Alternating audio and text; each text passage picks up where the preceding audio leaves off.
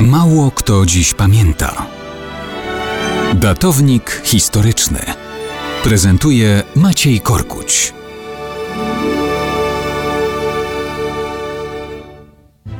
Mało kto dziś pamięta, że w II wieku naszej ery w dolnym biegu Wisły mieszkali germańscy Goci.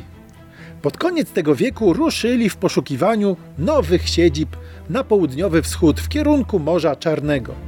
Ich praojczyzną była Skandynawia. Opisywał to w VI wieku grecki historyk Jordanes, pochodzący właśnie z tych ludów.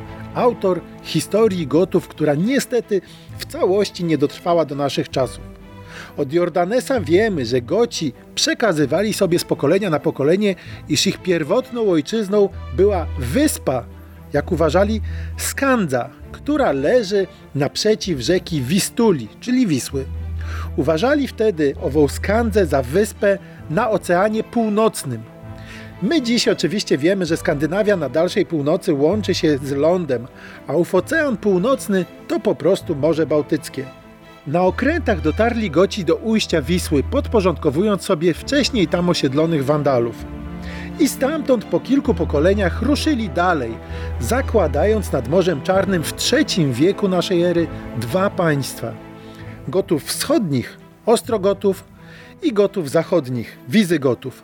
Możliwe, że jeszcze w tym II wieku na wschód od linii dolnej Wisły zamieszkiwali już Słowianie, których wówczas Ptolemeusz opisał jako ogromny lud nazywany Wenedami. Wspomniany Jordanes kilka wieków później pisał, że, cytuję, ludy słowiańskie pochodzą z jednej krwi i występują obecnie, a więc w wieku VI, pod trzema nazwami Wenedów, Antów i Sklawinów. Wtedy to Wenedowie, przodkowie Słowian zachodnich, a więc również nas, zamieszkiwali już obszary nad Dolną Wisłą w całości na południe od Bałtyku.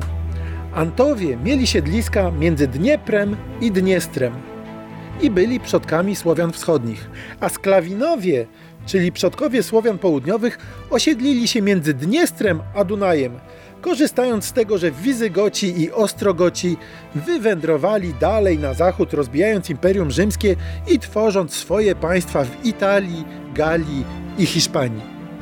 Tak się rodziło nasze Międzymorze.